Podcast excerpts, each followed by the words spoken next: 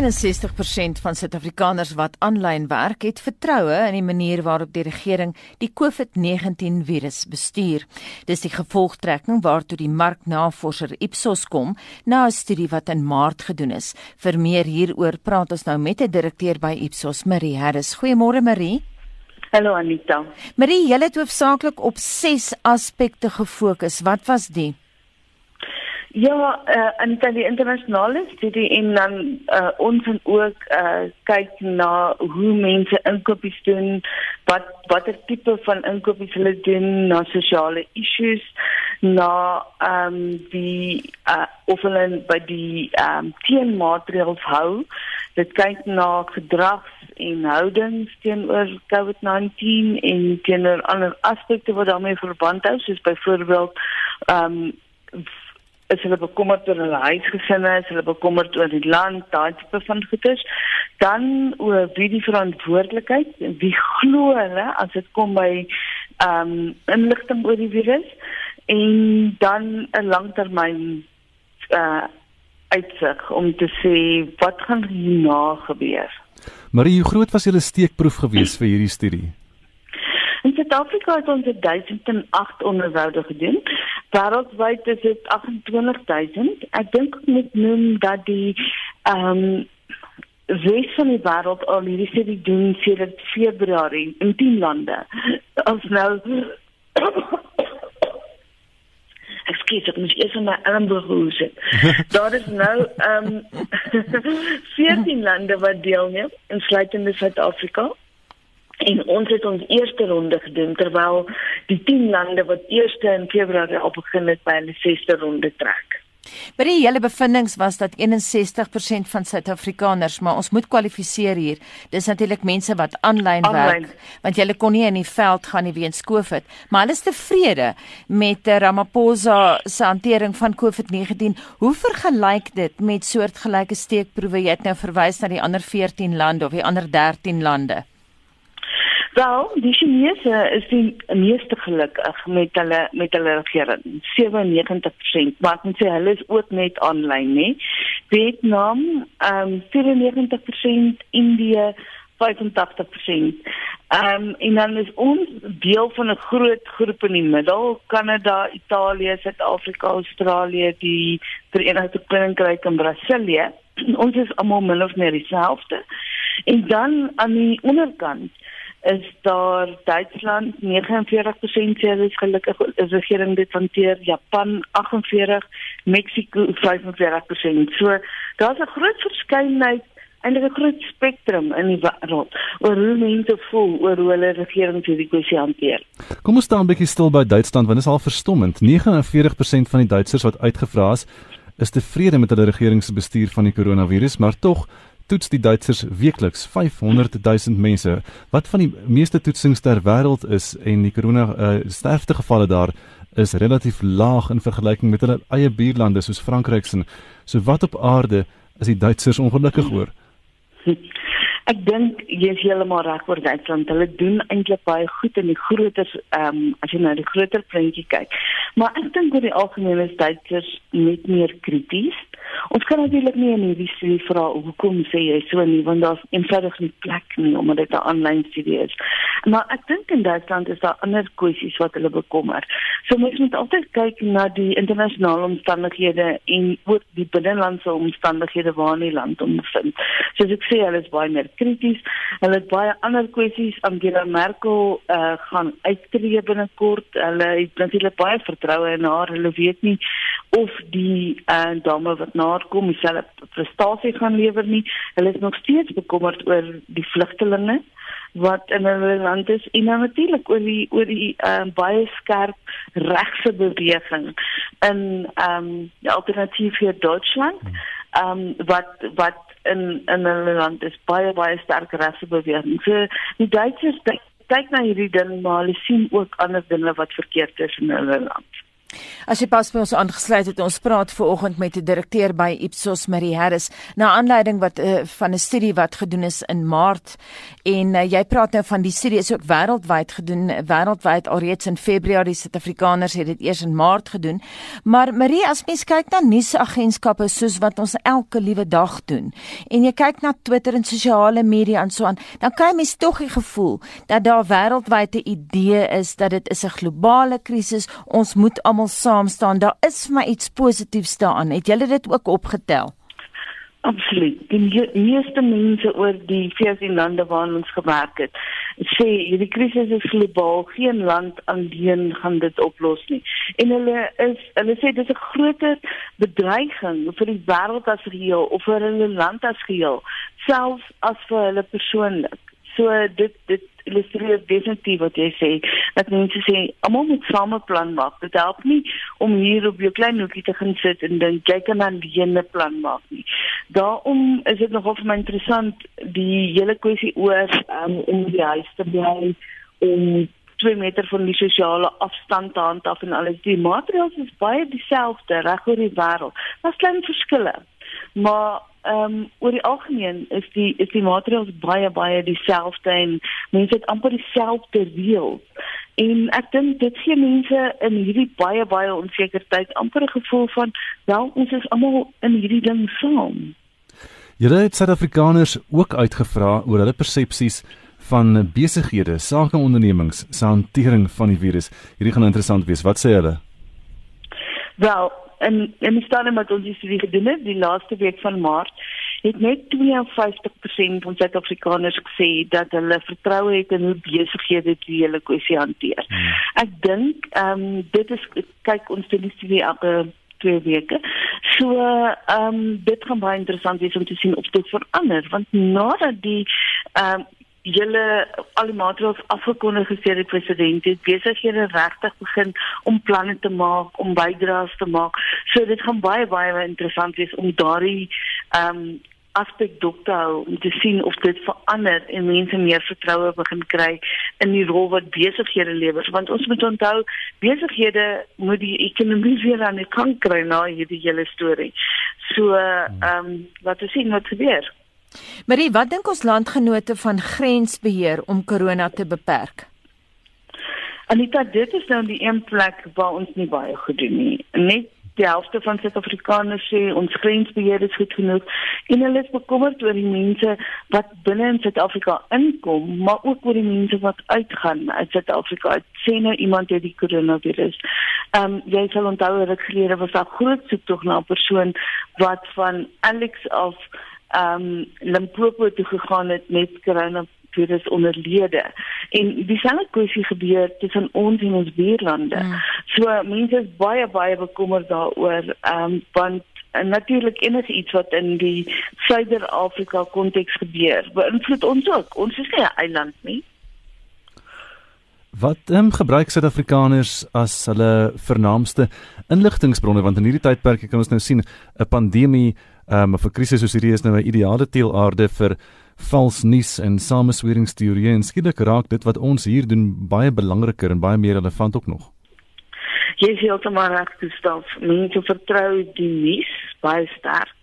Uh veral televisie nuus en ek dink die kwessie daar is dat hulle dit kan sien ook. Uh dis nie hmm. net jy weet en hulle hoor baie dan keer dit op die radio en dan word dit bevestig hmm. deur 'n beeld op die televisie. So mense het baie groot vertroue in kom ons sê die amptelike media. En ehm um, hulle het ook baie baie sterk vertroue 89% van hulle baie sterk vertroue in in die Suid-Afrikaanse gesondheidsowerhede en dan 77% sê hulle het baie sterk vertroue in die in die inligting wat van die regering afkom. So Suid-Afrikaners voel dat die ehm um, amptelike bronne eintlik vir hulle die regte nuus gee. So dis vir my nogal baie interessant. Hulle hulle gebruik die sosiale media en alles, maar as hulle werklik die harde nuus wil hê, dan draai hulle na na um, meer gevestigde tradisionele media.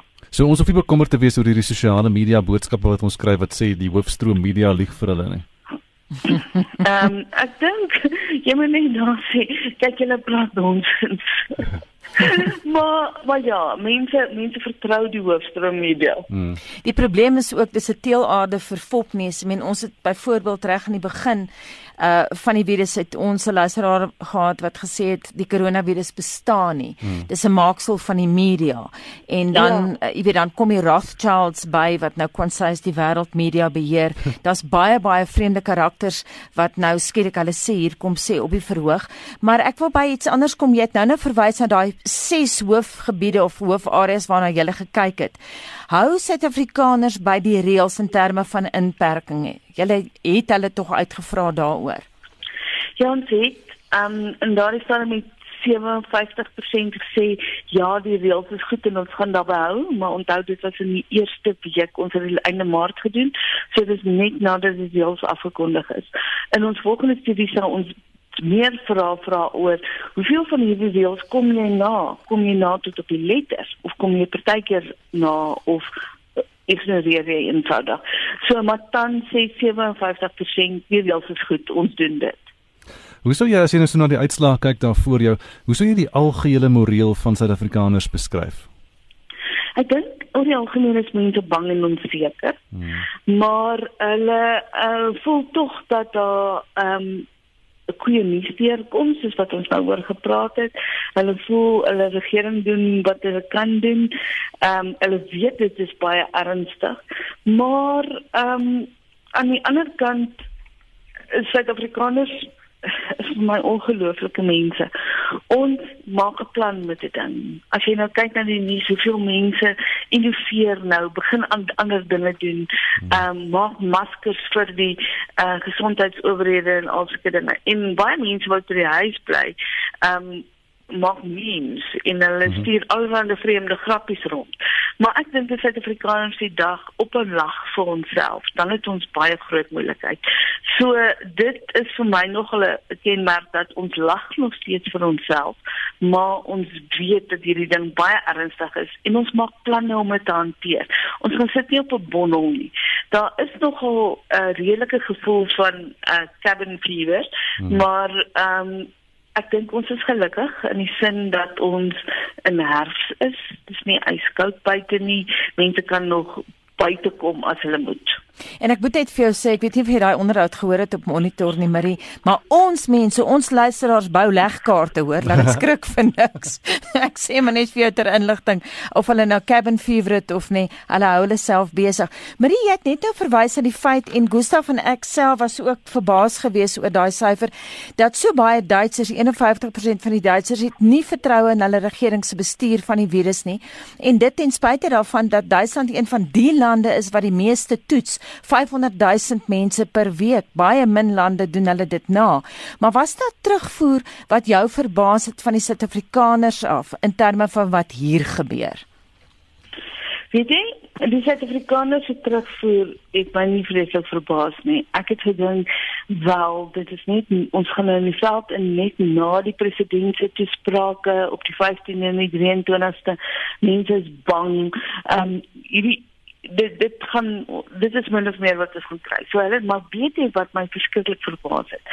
Want sê die aksie van Amerikaners dat amper 30% van hulle 29% het gesê dat die virus nie 'n uh, bedreiging vir hulle persoonlik inhou nie. En dis is vandag weet in Amerika is daar die meeste gevalle van die virus. Hulle het al by die 10000 sterfgevalle. Hulle gaan waarskynlik hierdie week hulle die toppunt van hulle krisis bereik. So ek dink Amerikaners selfs 'n week of 'n week en 'n half gelede was nog steeds ongelooflik naïef oor hierdie virus en en wat die gevolge kan wees. En ek dink dis een van die groot kwessies waarmee hulle moet aan wat hulle moet hanteer. Mense aanvaar amper nie dat hierdie ding baie ernstig is in Amerika nie. Maar hierdie opnames is nou gedoen in Maart maand. Mens kan sekerlik verwag dat terugvoer mag verander gegee nou die vloeibaarheid van die situasie. Gaan julle 'n opvolg meningspeiling doen nadat mense nou vir 2 weke lank nie kon rook nie, byvoorbeeld? nou, dit hang af of jy iets in die kas gebaar het of nie, Gustav. Ja, uh, ek is uh, na hierdie onderhoud gaan ek kyk na ons volgende vraelys. Ons gaan waarskynlik môre of oormôre weer in die veld in met die volgende studie en so dit sal ons ronde 2 wees en die ek het die internasionale vraelys gesien dit is hulle ronde 7. Ja. So ja, ons gaan definitief weer hierdie week terugval. En selfs en ons doen die onderhoude soos wat julle weet aanlyn. Ons kyk na mense wat ehm um, of internet by die huis het of internet oor hulle selfoon het. Dit is so 64% van Suid-Afrikaners. So ongelukkig is hierdie nie 'n nasionale mening nie, maar dit is amper 2/3 van Suid-Afrikaners se mening. So ja, van definitief terug. Ons sal daai storie uh, opvolg met jou, maar net laastens, hoe beskou ons landgenote die langtermyn effek van die virus? Wel, ehm um, aan die een kant sê ons daar gaan definitief 'n negatiewe soort van nalatenskap wees. Um oor reis, oor toerisme, oor handel, spesifiek handel met die lande wat baie sterk beïnvloed word en dit is nogal 'n uh, bekommernis want dit is al ons groot um, handelsvennote China, die Europese Unie, veral Italië en die Verenigde Koninkryk en Amerika, baie sterk handelsvennote van ons. So dit is wat Suid-Afrikaners sê, maar um, aan die ander kant dink hulle daar gaan meer vertroue kom en mense gaan meer vertroue hê in die openbare gesondheidsinstellings soos byvoorbeeld die Wêreldgesondheidsorganisasie en ehm um, die mense en hulle voel ook hoe sterker die krisis is, gaan mense baie meer gewillig wees om saam te werk en om om by die reëls te hou. Ehm um, en dan uh, dink hulle ook dat afhangende of daar 'n uh, anti-middel of uh, hmm wat nou mens dit in in in in dan ja in in stof kom teen die teen die virus kan dit die um mening van mense oor die hele wêreld van farmaseutiese maatskappye baie verander. In hierdie stadium word farmaseutiese maatskappye nie noodwendig met baie vertroue benader nie. Die rede daarvoor is dat baie mense dink hulle ehm um, stoot hulle pryse uh, op en hulle deel nie altyd hulle kennis veral met Afrika nie, maar ek dink daardie dinge gaan ehm um, baie baie verander en dan natuurlik 'n kwessie wat baie wat 'n groot bekommernis is is dat uh, Suid-Afrikaners dink daar kan onrus wees, daar kan geweld wees, hmm. daar kan opstande wees as mense nie kos het om te eet nie. Hmm. Baie dankie en so sê direkteur van Ipsos in Johannesburg Marie Harris. 27 minute oor 7 jy luister na Monitor en soos ons nou gepraat het met Marie, strafregtelike klagte is gelê teen 'n man wat vals nuus op sosiale media versprei het. Die man het 'n video versprei waarin hy Suid-Afrikaners waarsku dat die toerusting waarmee COVID-19 getoets uitgevoer word met die virus besmet is en dat inwoners moet weier om getoets te word. Die departement van gesondheid veroordeel hierdie video ten sterkste. Marlene Forsie het meer besonderhede. Die man wat deur die media Steven Donald Birch geïdentifiseer word, het die volgende boodskap op sosiale media versprei. The South African government is sending 10,000 people door to door with the police to test you for the disease known as COVID 19. They're going to stick a swab deep up your nose and into your mouth and take a swab to see whether you have the virus. Do not, under any circumstances, allow them to test you. Volgens hom is daar 'n groot moontlikheid dat die stokkies wat gebruik word om die toetse uit te voer met COVID-19 besmet is. In the UK, the Evening Standard newspaper, one of the biggest newspapers in the UK, reported a few days ago that the COVID 19 test kits were contaminated. I cannot begin to stress to you the importance of what I'm telling you. If I am correct that the tests are contaminated with COVID 19, many people will get sick and many people will die. Hy sê verder hy gaan raadslede in Kaapstad vra om toetse te doen om te bepaal of dit wat hy vrees inderdaad die waarheid is.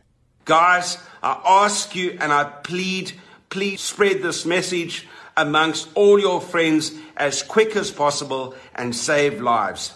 Thank you. Die departement van gesondheid het nie op monitor se navraag gereageer teen spertyd gisteraand nie. Birch sê intussen hy sal om verskoning vra indien hy verkeerd is. 'n Kenner op die gebied van sosiale media wetgewing, Emma Sadler, sê egter die wetgewing in die verband draai nie doekies om nie. Government has rolled out, under the regulations in the Disaster Management Act, a new criminal offence of fake news around COVID 19. Is that if anybody shares a statement with the intention to deceive around COVID, around government's response to COVID, or around somebody's COVID 19 status, then that person can be convicted and sentenced to six months in prison and or a fine. Wanneer daar gepraat word van die verspreiding van inligting met die doel om iemand doelbewus te mislei, is dit volgens haar 'n omvattende frase. It can be overt intention where you know something is fake and you circulate it with the intention of deceiving them, the overt intention, the direct intention. But it can also be where you have forwarded something or circulated something with a reckless disregard for the truth, knowing that it could cause harm. So I think that that's really where we are, where people aren't obviously trying to deceive people, but are just recklessly disregarding the truth in what they're sharing. Klagte teen diegene wat vals nuus versprei kan by die polisie ingedien word. Sadler sê verder sy was verbaas dat die man se boodskap hoegenaamd as geloofwaardig beskou is. I was amazed that anybody would take a man who put his earbud up his nose seriously. Doesn't identify himself. I think that's one of the first red flags. The second red flag was that it was just such extreme content. But then I received the message from countless people into my Facebook inbox and on social media, all over the place, really. Particularly my friends who kind of new to the WhatsApp world, older people, people maybe previously who didn't have luxuries like smartphones. I was speaking to my nanny. She said she received it from over 35 different people. Volgens haar is die land nou ook gewikkel in 'n sogenaamde vals nuus pandemie. We're dealing with people's health where we're circulating fake news, which would mean people don't get medical attention where they need it, where they refuse to be tested, where sometimes people are receiving fake news that there are cures that are easily available. You know, they were encouraging complacency, and it is actually a matter of life and death in some instances. Dit was Emma Sadler, 'n kenner op die gebied van sosiale media wetgewing. Ek's Marlene Forsie vir SAK nuus.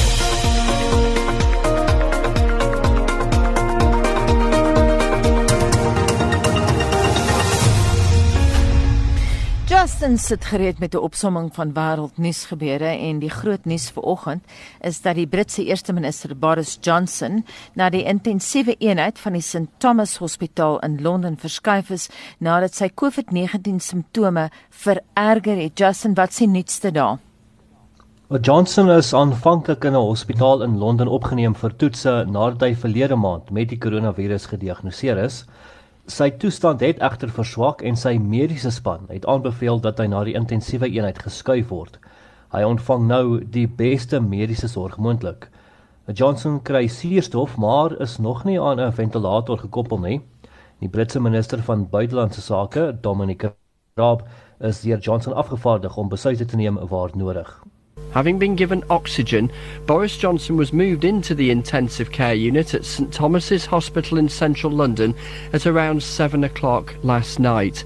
At around 8 o'clock, we were told he was conscious but had been moved to ensure he was close to a ventilator if he needed one.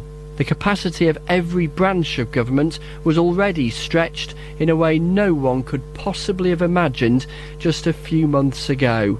And for now at least, its leader is sideline 2. Die stem daarvan die BBC se Chris Mason. Nou Johnson is sedert 27 Maart in isolasie in 'n woonstel in Downingstraat en sy vriendin wat swanger is, Carrie Simons, het ook positief vir die virus getoets. En steeds by corona verwante nuus, Frankryk teken nou die hoogste daaglikse dodetal aan, dis van 833 sterftes en daai aankondiging Justin is gemaak deur die Franse minister van gesondheid Olivier Véran. Ja, dit beteken dat net minder as 9000 mense in die land nou dood is weens die COVID-19 virus, terwyl die aantal infeksies op net meer as 98000 staan. Nou, soos jy gesê het Anita, die Franse minister van, van gesondheid waarsku dat hulle 'n toename in infeksiesyfers en die dodetal verwag. Volgens inligting wat die Franse Ministerie van Gesondheid gisteraand bekend gemaak het, het 605 mense die afgelope 24 uur in hospitale gesterf. 228 mense het in verpleeginrigtinge gesterf, 'n toename van 10% in beide gevalle. Italië se daglikse dodestal het ook gister toegeneem na 'n paar dae van verlangsaming, maar Spanje se dodetal het vir 'n vierde aaneenlopende dag gedaal. Intussen vra talle organisasies vir skuldverligting vir die armste lande ter wêreld. Ja, meer as 100 wêreldorganisasies vra dat skuldbetalings van ontwikkelende lande vanjaar afgeskaf word. Nou hierdie lande sluit onder meer die armste ekonomieë ter wêreld in wat lamgelê word deur die koronavirus. 'n Groot liefdadigheidsorganisasies waaronder Oxfam en Action Aid International vra vir skuldverligting van meer as 25 miljard dollar. Hulle het geskrywe aan wêreldleiers en die belangrikste sentrale banke gerig waarin hulle vra vir 'n verskeidenheid skuldverligtingmaatreëls. Nou die versoek kom 'n dag voordat die G20 groep van die wêreld se grootste en vinnig groeiende ekonomieë vergader. En dit was Justin Kennedy met wêreldnuus gebeure.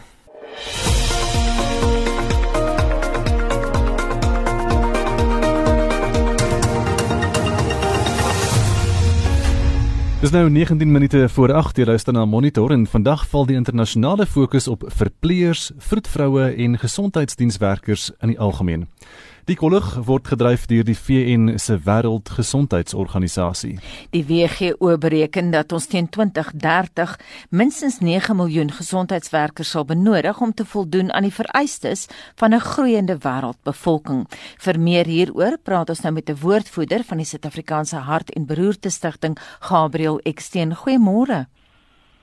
Goeiemôre Anita, dankie dat ek met jou kan gesels. Sê vir my Brittanje het onlangs 'n sogenaamde clap for carers veldtog geloods om hulle dankbaarheid aan gesondheidswerkers te betuig. Hoe voel gesondheidswerkers in Suid-Afrika? Word hulle genoeg geag? Ja, ek dink ehm um, COVID-19 is definitief besig ons persepsie van gesondheidswerkers te verander. Ehm um, ek dink veral in lande wat uh, reeds so oor, oorweldig is deur die virus. Natuurlik ons in Suid-Afrika is nog nie heeltemal op dieselfde vlak nie. Uh, alhoewel ons sien die oppad kan wees. Ehm um, natuurlik reeds oorweldig deur jy weet al die wat ons het. Ehm um, jy weet nog voor COVID-19 nog 'n uh, katastrofiese effek hê. En jy weet daai virusnommers. Ehm um, dink dit is regtig nodig dat ons gesondheidswerkers meer waardeer word. En jy weet ek dink dis die ironie jy weet die wêreldgesondheidsorganisasie het reeds aangekondig dat dit die jaar van verpleegers en vroedvroue is voor hierdie uh, pandemie uitgebreek het. Ehm um, jy weet hierdie hierdie mense ehm um, werk uh, wat wat ons nou agterkom weer is essensieel. Jy weet hulle werk harde ure ehm um, dit was nagskofte hulle moet baie empatie hê vir mense stresvolle omstandighede en ek dink nie hulle kry altyd die dank uh, wat aan hulle toe kom nie. Jy vir al verpleeg, ek dink die dokters het in die algemene hoë agting onder die publiek, maar jy verpleeg nie eintlik die die volwerk as jy kan sê en, en hulle kyk dag en nag na pasiënte. Ehm um, en en dit is sonder sonder daardie waardering. Ehm um, so ek dink dit ja, dis dit is belangrik dat ons aan kyk. Ehm um, uh, spesifiek ook omdat ons uh, gesondheidstelsel in Suid-Afrika uh, baie verpleeg kort is. Gabriel het nou vinnig daarna verwys, maar kom ons bly vir 'n oomblik daarby. Ehm um, hoe is die moreel van die werkers gegee dan hierdie COVID-19 virus en al hierdie veranderende omstandighede soos jy genoem het waaronder hulle nou moet werk en blootgestel word ook, né? Ja, Gustav, ek jy weet ek kan natuurlik jy weet namens al die gesondheidswerkers in Suid-Afrika uh, die vraag beantwoord nie. Ehm um, ek werk nie die oomblik in die hospitaal nie, alhoewel ek weer binnekort uh, daar begin werk. Maar ek dink jy weet as ons dink die, die publiek is onseker en paniekvervange, kan ons net indink hoe die gesondheidswerkers beïnvloed is. Ehm um, jy weet daar's um, altyd 'n mate van risiko as 'n gesondheidswerker. Ehm uh, maar met COVID-19 is dit soveel meer van 'n realiteit, nie net vir hulle eie gesondheid nie, maar ook vir die gesondheid van hulle familielede. Ehm um, op die stadium omdat ons hospitale uh, weet nog redelike lae uh, hoeveel gevalle het, uh, jy weet relatief. Ek dink ek is die die die grootste gevoel uh, baie onsekerheid oor wat voor lê. Ehm um, en hoe ons gesondheidstelsel daarmee gaan klaarkom. Ehm um, en ek dink dis ook juist hoekom ondersteuning en waardering van die publiek so belangrik is om al verseelkundige hulp toe te gee aan ons gesondheidswerkers. Behalwe vir die koronavirus, Gabriel, watter ander gesondheidsgevare loop mediese en verpleegers wat onder baie hoë druk werk? Ek dink nou byvoorbeeld, jy is nou 'n woordvoerder van die Suid-Afrikaanse Hart en Beroerte Stichting, maar die mense werk onder groot druk en dit moet tog seker lei na jy weet na gevalle van hoë bloeddruk, stres, daai soort van ding of hoe? Ja, definitief. Ek dink ons moet natuurlik verder kyk as net die viruspandemie op die oomblik. Ehm um, jy weet as daar's baie ander bydraes wat wat verpleegers sal uh, ook het en ons wil nie jy weet net daarop fokus nie. Ehm um, as ons nou juist nou van hart en beroerte praat, weet elke dag is daar 220 mense in Suid-Afrika wat sterf van aan hartsiektes en beroertes en jy weet dit verander nie tydens hierdie uh, pandemie. So uh, jy weet ons gesondheidswerkers het 'n enorme rol om ons gesond te hou en ons te behandel. Uh en en jy weet verpleegers spesifiek as jy as jy hoeksteen van daardie gesondheidstelsel. Ehm um, en ja, hulle is altyd uh jy weet hulle het altyd 'n risiko van aansteekbare siektes ook, jy weet ons soort van uh tuberkulose en HIV. Ehm um, maar ja, hulle is ook meer ge, uh, geneig tot ehm um, fisieke en gesondheids uh, geestesgesondheidsprobleme. Ehm um, jy weet die gesondheidstelsel soos jy sê is onder druk, ehm um, lang ure se werk, hoë druk situasies en ook onvoldoende hulpbronne. Ehm um, en jy as jy lang ure werk, skoolwerk veral, uh, en jou uh werksomstandighede is bevorder nie 'n gesonde leefstyl nie. Jy weet in terme van kos en oefening en hantering van stres, dan is jy meer geneig tot ander siektes ook. En dis wat ons reg sien in Suid-Afrika, uh is dat ons die mense wat weet na ons gesondheid kyk, het nie die kans om na hulle eie gesondheid te kyk nie en uh siektes soos hoë bloeddruk, diabetes, oorgewig is um, kom baie algemeen voor. Gabriel, wat kan die beleidsmakers in die regering meer doen om die land se gesondheidswerkers by te staan? Ja, daar is soveel vlakke waar ons wil beter uh, ondersteuning sien vir ons gesondheidswerkers. Uh, ek dink oomblik met COVID-19 uh, is dit jy weet belangrik uh, waar jy weet hierdie virus waarskynlik ons hospitaalstelsel gaan oorweldig in die volgende paar weke dat ons minimum standaarde het om hoe om ons gesondheidswerkers te beskerm, jy weet wat se uh, persoonlike beskermende toerusting hulle uh, uh, nodig het, waar kan hulle staat maak, wat is die prosesse wat in plek is om hulle te beskerm. Maar dan ook meer langtermyn uh, is dit belangrik dat ons meer holisties kyk na hoe ons hulle ondersteun, uh, hulle fisieke en ook hulle ge geestesgesondheid. Ehm um, en dit kom meer op hulle werksomgewing dat ons seker maak dat dit 'n positiewe ervaring vir hulle is en dat daar geleenthede is vir hulle om om gesond te eet by die werk, om aktief te wees, om sielkundige ondersteuning te kry in dies meer. Net laasens Gabriel, watter boodskap wil die Hartstigting vir oggend aan luisteraars oordra? Ja, dankie Anita. Um, ons wil regtig uh, luisteraars aanmoedig om spesifiek hulle dank aan verpleegers uh, en ook ander gesondheidswerkers te toon. Uh, op die oomblik is dit maklikste natuurlik om sosiale media te gebruik uh, en daar's 'n hitsmerk uh, thanks health heroes uh, wat mense kan gebruik om dit te doen. Dis nie net vir die hartstigting nie, dis 'n internasionale internasionale veldtog uh, wat deur die Wêreldgesondheidsorganisasie geloods word. Ehm um, en natuurlik die mense wat wel steeds meer direkte kontak het met gesondheidswerkers, ehm um, behandel hulle met die respek wat hulle verdien en die waardering uh vir die onwatsigtige werk wat hulle doen. Uh en ja, laastens laat dit nie op net jy weet uh, iets is wat gebeur tydens COVID-19 nie. Uh maar hopelik kan dit net die begin wees um, van meer uh, waardering vir hierdie vir hierdie mense. Gabriel baie dankie. Daai pleidooi dan van 'n woordvoerder van die Suid-Afrikaanse Hart en Beroerte Stichting, Gabriel Eksteen. Nou die koronavirus inperking dwing mense om uit hulle gemaksone te kom en nuwe geleenthede te skep.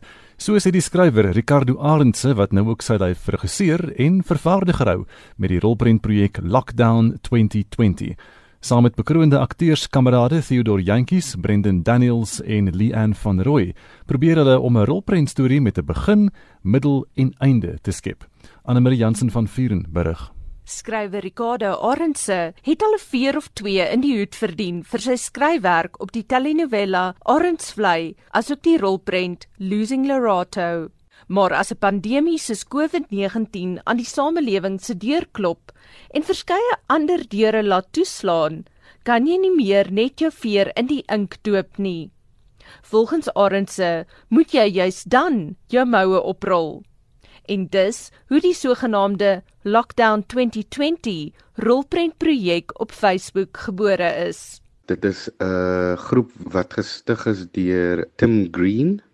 Hy is 'n direkteur en ook 'n editor in film Dis basically maar net 'n projek wat hy homself om mee besig hou tydens lockdown waar hy gesê het luister ek skryf 'n paar scenes ek plaas dit op die blad. Mense kan die scenes vat, die scenes skiet, dit terugstuur na my toe en ek sal dit edit en dan kyk ons wat daar uitkom. Wat nou gebeur het is die ding het nou so gegroei dat Tim nou 'n feature film skryf en besig is om te doen. So die casting is op Facebook gedoen. Test scenes, kom ons sê maar self tapes, het hulle via Facebook opgelaai vir die hele platform om te sien. Wat Tim dan doen is hy edit scenes bymekaar en dan kyk ouens die scenes, maar die scenes gaan dan later die hele movie of in 'n movie ontaard.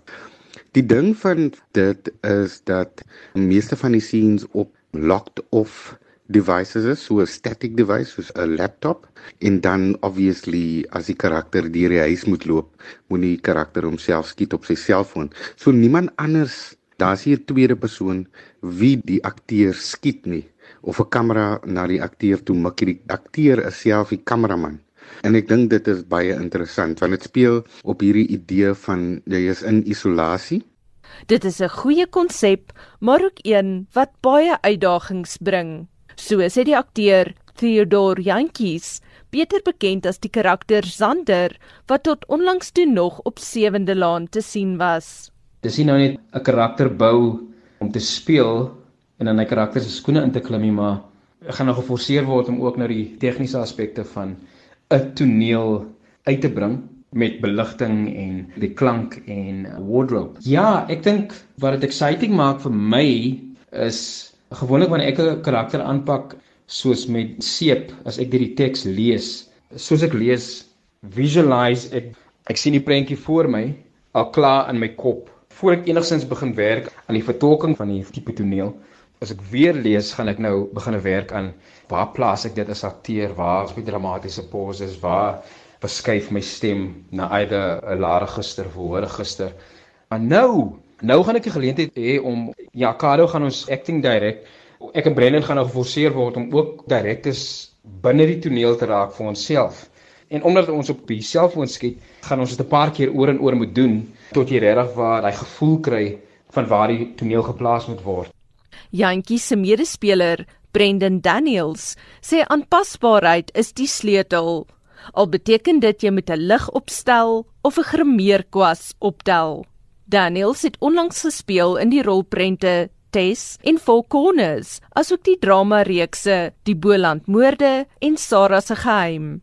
Ja, dit is interessant dat ons nou onsself sal moet leen en verleen aan ander aspekte van die bedryf. Maar hoe dit ook al sê, ek dink ons as die spesies het nog 'n manier om amper onbewustelik 'n skillset op te bou oor die jare en dan kom lê dit maar aan jou. En wanneer jy reg met jou rigting die muur is en jy moet dit dan nou uithaal en wys dan sal jy jou nogal self verbaas in die Kolfortuin want ons is ook besig met 'n projek en sy vir my hierdie tyd kan nou gebruik word wat ons gegee was deur die virus. Ja it's a gift from the virus in a weird way en nou het ons die tyd. En nou vra die tyd dat ons 'n bietjie dieper moet gaan kyk aan wie ons is in die bedryf in terms of a storytelling mechanism en dan dink ek sal ons osself verbaas veral omdat daar is hierdie oorweldigende need om te connect met jou fellow artist en die ander mense in die bedryf. Skielik het jy 'n groot waardering vir daai professies juis omdat jy nog gevra word om 'n bietjie te gaan krap. Mede-regisseur Stefan Erasmus stem saam. Die grootste challenge gaan wees vir die akteur want ek het al 'n kortfilm geskiet op my eie. Ek was die akteur, die direkteur, die editor, die DOP alles. En dis moeilik om in karakter in te kom en dan na die take jou footage deur te kyk en dan te gaan, "O, oh, ek moet nou die ligte verander of ek moet set dressing doen."